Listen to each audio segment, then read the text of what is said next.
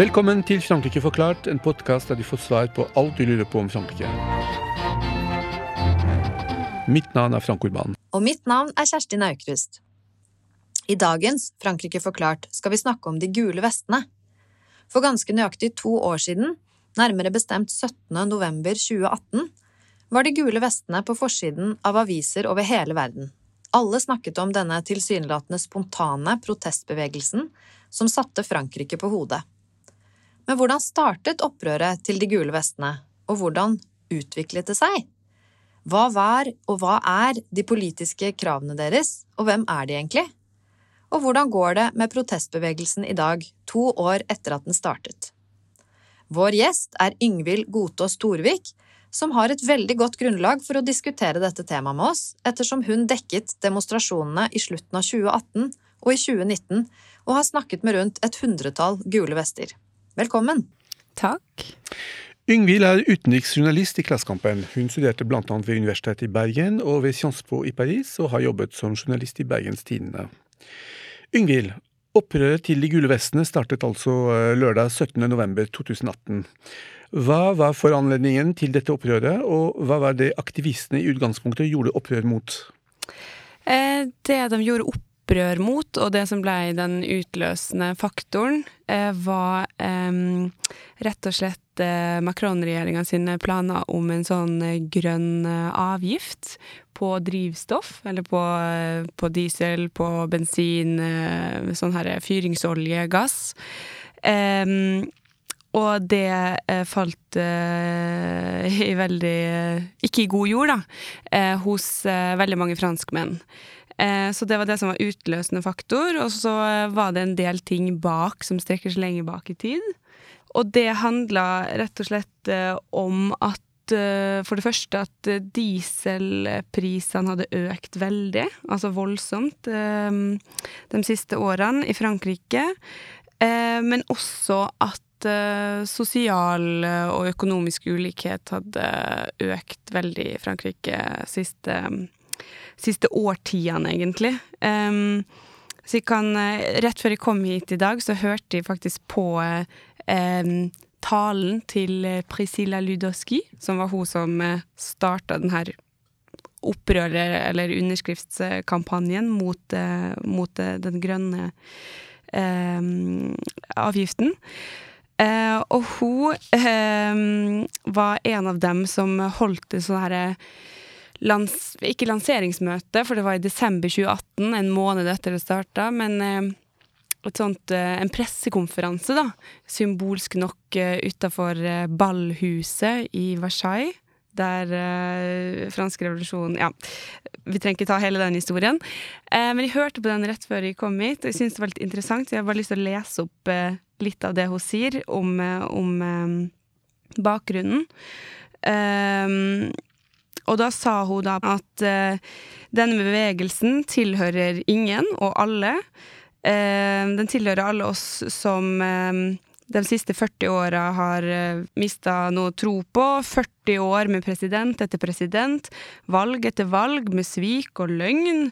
Um, og som en konsekvens krever vi, de gule vestene, en, uh, et kraftig kutt i alle skatter og avgifter på nødvendige produkter, ja, som transport og mat og klær og sånn. Og et kraftig kutt i lønn, goder og eh, pensjoner til politikere. Jeg syns det var en fin mm. oppsummering hvor det starta hen, da. Ja. Og så ha, gikk det jo i mange retninger etter det. Men det ja, kan vi komme inn på. Ja. For dette med, med, den grønne avgiften du snakket om, det var kanskje den dråpa som fikk begeret mm. til å renne over. Og at eh, du er jo inne på nå en, en tillitskrise, eh, rett og slett. Og etter hvert så, så, handlet jo protestene om mye mer enn det. Mm. Eh, og hva var, hva var, det som ble de viktigste kampsakene til De gule vestene etter hvert? Hva var det de, var det de fremmet av politiske krav? Ja, det var mange ting etter hvert. Men det var eh, både Det var krav som eh, eh, var gjenspeila i på en måte det konflikten var fra i begynnelsen, og det var både en økonomisk konflikt, altså klassekonflikt, og en sånn territoriell konflikt, at liksom eliten i Paris som bestemmer alt, her sitter vi på bygda, i småbyene postkontor stenges ned, togstasjoner stenges ned, vi har ikke noe metro, vi må bruke bensin, ikke sant. Eh, så de kravene som ble fremma, gjenspeiler jo det aggresjonen under, eh, under, der, og fortvilelsen over at man ikke får endene til å møtes og sånn. Så av konkrete Altså litt mer sånn holdt på å si breie krav, da, eller ulne krav. Det var sånn Vi vil ha økt Eh, kjøpekraft, eh, skatterettferdighet. Eh, vi krever at våre tomme kjøleskap skal fylles opp, var det mange som sa til meg, som vi møtte. og ja, det som vi nevnte nå, kutt til dem på toppen, ikke sant. Du hadde Macron demission, Macron må gå av. men av sånne konkrete ting så, så var det flere um, krav som ble fremma, annet gjeninnføring av den her eh, formuesskatten, ISF, som, som Macron fjerna første året eh, som president. Og så var det selvfølgelig økning av uh, le SMIC, av uh, minstelønna. Mm. Mm. Og så var det rett og slett eh, inflasjonsjustert og økning generelt av pensjon, ulike goder og sånn. Eh, eller tildelinger, kanskje ikke goder. Eh, generelt ska, eh, lavere skatter og avgifter, eventuelt kompensasjon hvis nå liksom klimatiltak skal innføres, så må vi som har minst, eller som har lite, eh, kompenseres i andre enden og sånn, da. Eh, og så et veldig sentralt krav som ikke gikk på det her konkret økonomiske, men mer representasjon, demokrati og sånn, eh, det var kravet om eh, RIC, le RIC. Referendum d'initiative citoyen. Og hva betyr yes. det egentlig? Nei, det betyr vel rett og slett at um, uh, de krevde å få uh, ta opp sine saker og rett og slett stemme over dem i en folkeavstemning eh, hvis det var nok eh, borgere eh, som, som, stilte seg bak.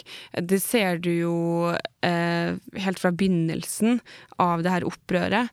Eh, så, så starta jo det med en sånn her petisjon, en sånn underskriftskampanje, opprop, på internett av den her Priscilla Ludowski. Og det var jo Jeg skrev ned tall her. Altså, da hun lanserte det i oktober 15. Eh, oktober så hadde eh, fikk hun to, litt over 12 000 underskrifter, og det økte ganske eksplosivt til nærmere en million, eller 860 000 underskrifter, innen 16. november, dagen før folk tok de rundkjøringa og veikryss og bruer og gata og, sånn, og protesterte første gang. Da. Du snakket med mange gulvester. Mm. Merket du en overgang fra ah, sosiale og økonomiske krav til mer politiserte eller politiske krav? Eller var de til stede fra begynnelsen av? Sånn som jeg opplevde det, så kom det veldig tidlig. Altså, jeg var på plass i Frankrike eh, den helga, eller dagene før og, og liksom den helga 1. desember, som, som, står igjen som sånn en av de mest eh, voldelige på Champs-Lycée i Paris. Det ble jo en gatekrig uten like, egentlig. Eh, men da dro vi også rundt omkring i ja, Normandie og på, på, bygda der. Og allerede da så husker jeg at eh, folk snakka om det her eh, De brukte kanskje ikke uttrykket eh, referendum d'initiative citoyen, men eh, det var allerede snakk om eh, eh, direkte demokrati, vi vil bli hørt, eh, vi har blitt oversett, eh, vi blir overkjørt her, ikke sant, ingen bryr seg om oss, eh, og så videre og så videre. Sånn har det vært. Det var jo et veldig sånn agg mot Mac Macron, men det de, de snakka jo om flere tiår tilbake, ikke sant. Det var det samme med Hollande, det var det samme med Sarkozy, nå er vi lei, nå nå er det nok, osv.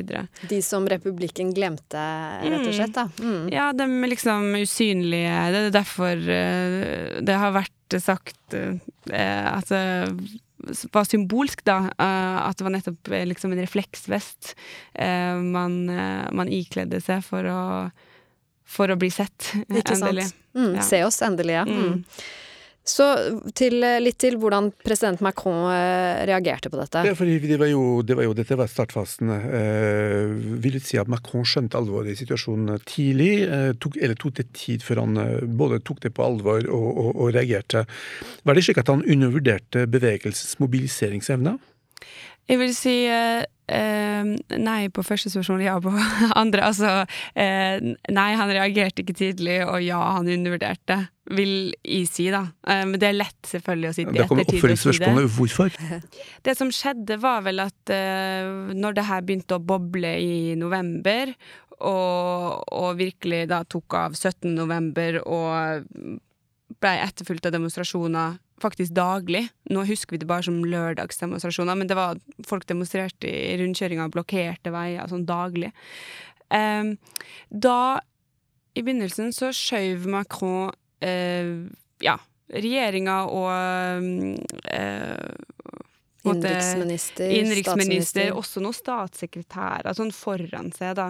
Jeg husker det var noen, noen av disse plakatene til de Mm. gule vestene, hvor det var blant annet en hvor det står sånn Ei, Manu descend! Altså, ikke sant, Manu, som er forkortelse for Emmanuel, kom ned, da! Ikke Mm. Kom ned fra Élysée-palasset, møt oss på gata, eller kom ned fra din høye hest, eventuelt, ikke Mm. sant? Fordi Macron har jo vært kritisert for å ha en veldig sånn vertikal lederstil, Mm. eh, hvor han rett og slett ikke er så lydhør for det som beveger seg på grasrotnivå. Macron hadde vel sin første sånn ordentlige liksom, tale til det franske folket da, 10. desember. Og mange syns jo at det var ganske seint, nesten en måned etter opprøret starta. Det er så veldig klassisk for franske presidenter å vente og se. Mm. Fordi de aller fleste bevegelser, slike bevegelser, de, de, hvis de holder ut i tid, Ja. så mister du mobiliseringsevne. Så Mm. Slik at det var ikke, det var ikke ulogisk mm. i utgangspunktet å vente og se. Men uh, det som var imponerende, var jo at det, for, det bare fortsatte. Mm. Eh, Svaret som Macron kom med etter hvert til de gullvestene, var jo den såkalte Grand Débat National, altså den stornasjonale debatten. Hva, hva gikk det ut på? Uh, Hva, hva, hva kom det noe konkret ut av det, egentlig? Mente Macron noe med det, eller var det bare et PR-stunt eller noe strategisk taktisk? Hvordan, hvordan reagerte de gullvestene på det? Det som jeg syns er interessant, var at det var, så vidt jeg har skjønt, da, var Macron sin egen idé. Altså det kom fra hans, eh, det var hans initiativ. Eh, og han har vist det mer og mer, syns jeg, at han, han har det som en sånn taktikk. Sånn nå skal jeg snakke, gå i dialog med folk, jeg er ikke redd for å ja, snakke med streikende på en fabrikk, ikke sant, sånne ting. Så han, eh, det var han som kom med den ideen, og mange i apparatet rundt han som var ganske skeptiske, eh, faktisk. Em, og det ble jo ja, organisert en haug med debatter. Han var på en god del av dem. Det var da eh, tok form som sånne folkemøter der eh, folk kunne stille spørsmål osv.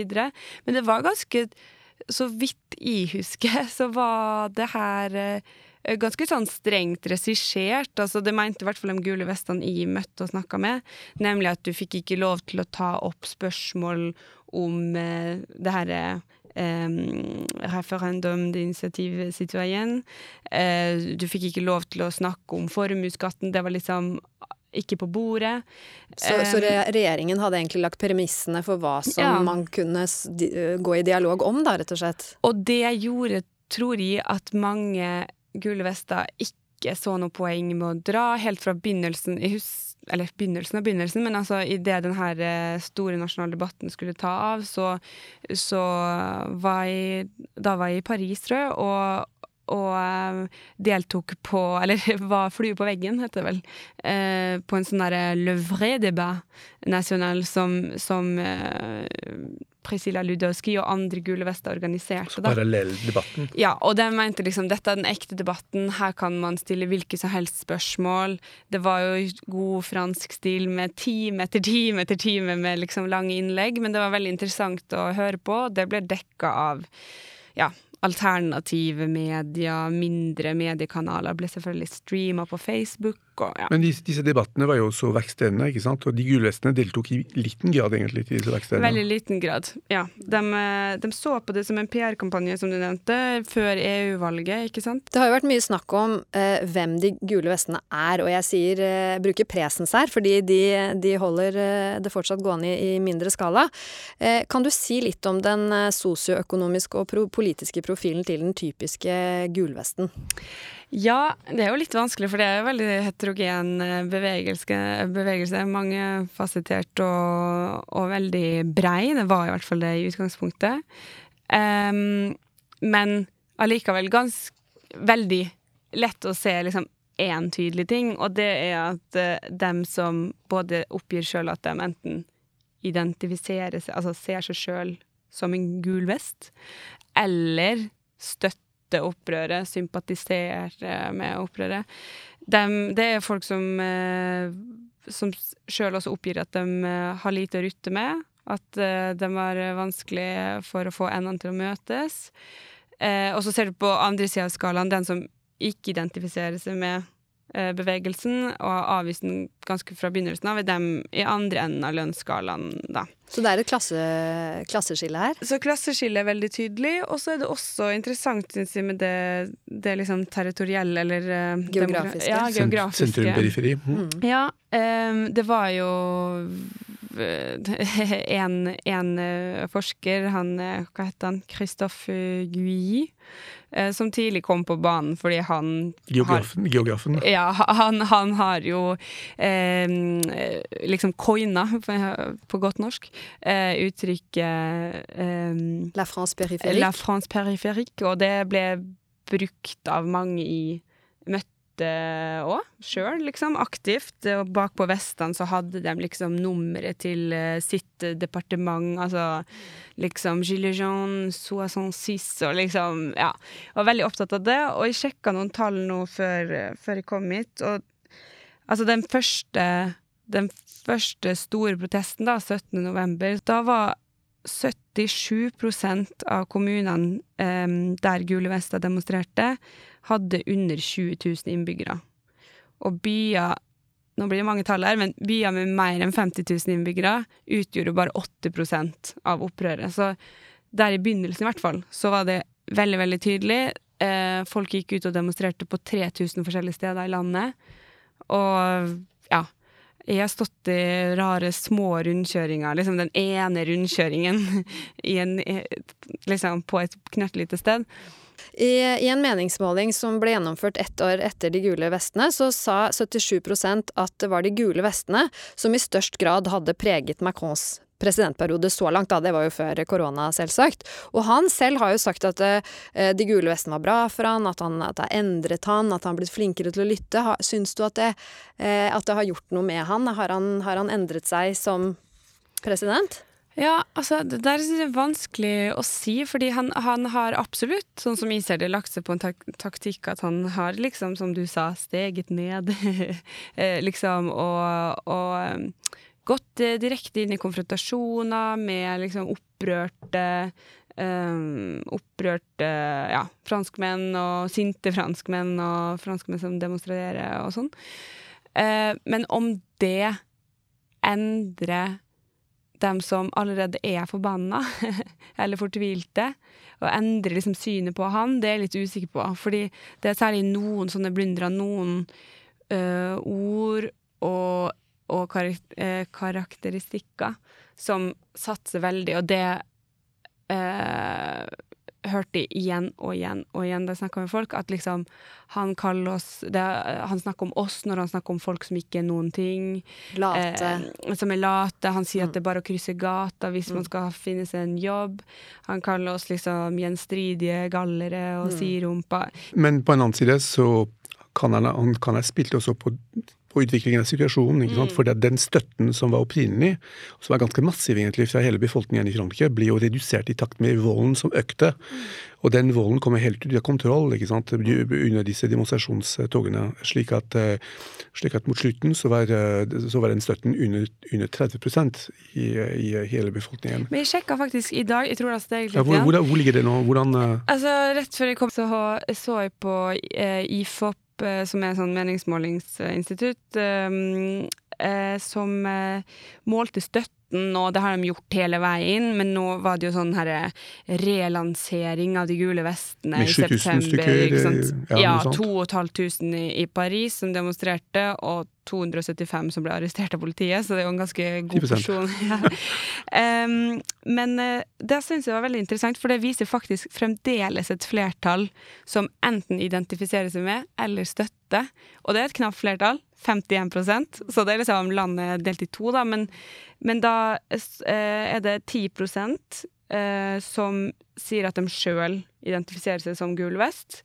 Og da opprøret starta, så var det 19, ikke sant? så det er jo en halvering, men fortsatt, ja. Og 49% som fortsatt støtter opprøret. Og det er to år etter at det begynte? Det er to år etter, mm. så jeg tenker at selv om det er delt i to, og man kan si at ok, det er 49% som ikke liker det her, da, så det som står igjen liksom for meg, er sånn Det er egentlig ganske oppsiktsvekkende både hvor lenge de har holdt på, og hvor eh, høy støtte det tross alt fortsatt er.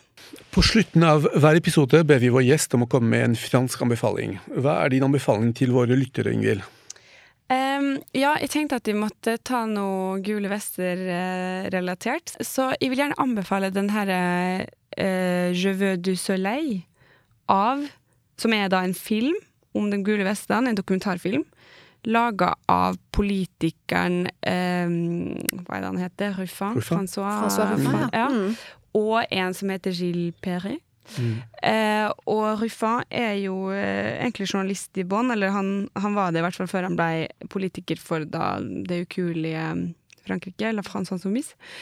Eh, og han har jo selvfølgelig sin agenda og sånne ting, men den er veldig fin hvis man vil se litt mer på det her eh, Ja, litt mindre av eh, av eh, brennende biler på Champs-Élysées og litt mer samhold i rundkjøringa. Da. Og de kjører rett og slett rundt i hele Frankrike og snakker med alle mulige folk. Så den er veldig fin. Og jeg tror faktisk at den ligger ute på Facebook, hele filmen. Ja.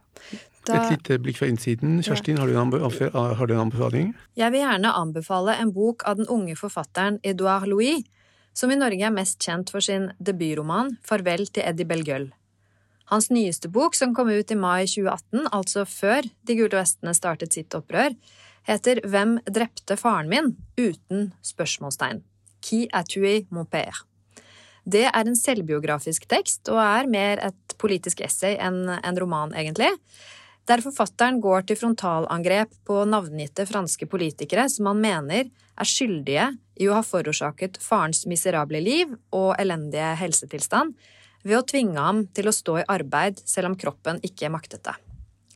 Selv om boken ikke handler om de gule vestene, er den, i tillegg til å være veldig god, da, også relevant for å forstå noe av det raseriet som ligger bak bevegelsen, og den sosiale miseren som er med på å forklare den. Da gjenstår det bare å takke vår gjest Yngvild Godtaas Storvik. Så høres vi igjen på neste episode av Frankrike forklart. Au revoir. Denne podkasten er et samarbeid mellom Universitetet i Oslo og Høgskolen i Østfold. Abonner på Frankrike forklart på iTunes, Spotify eller på andre plattformer der du lytter til podkast. Har du kommentarer til oss eller forslag til temaer vi bør ta opp, kan du sende inn det via vår Facebook-side Frankrike forklart. Her vil du også finne informasjon om dagens episode.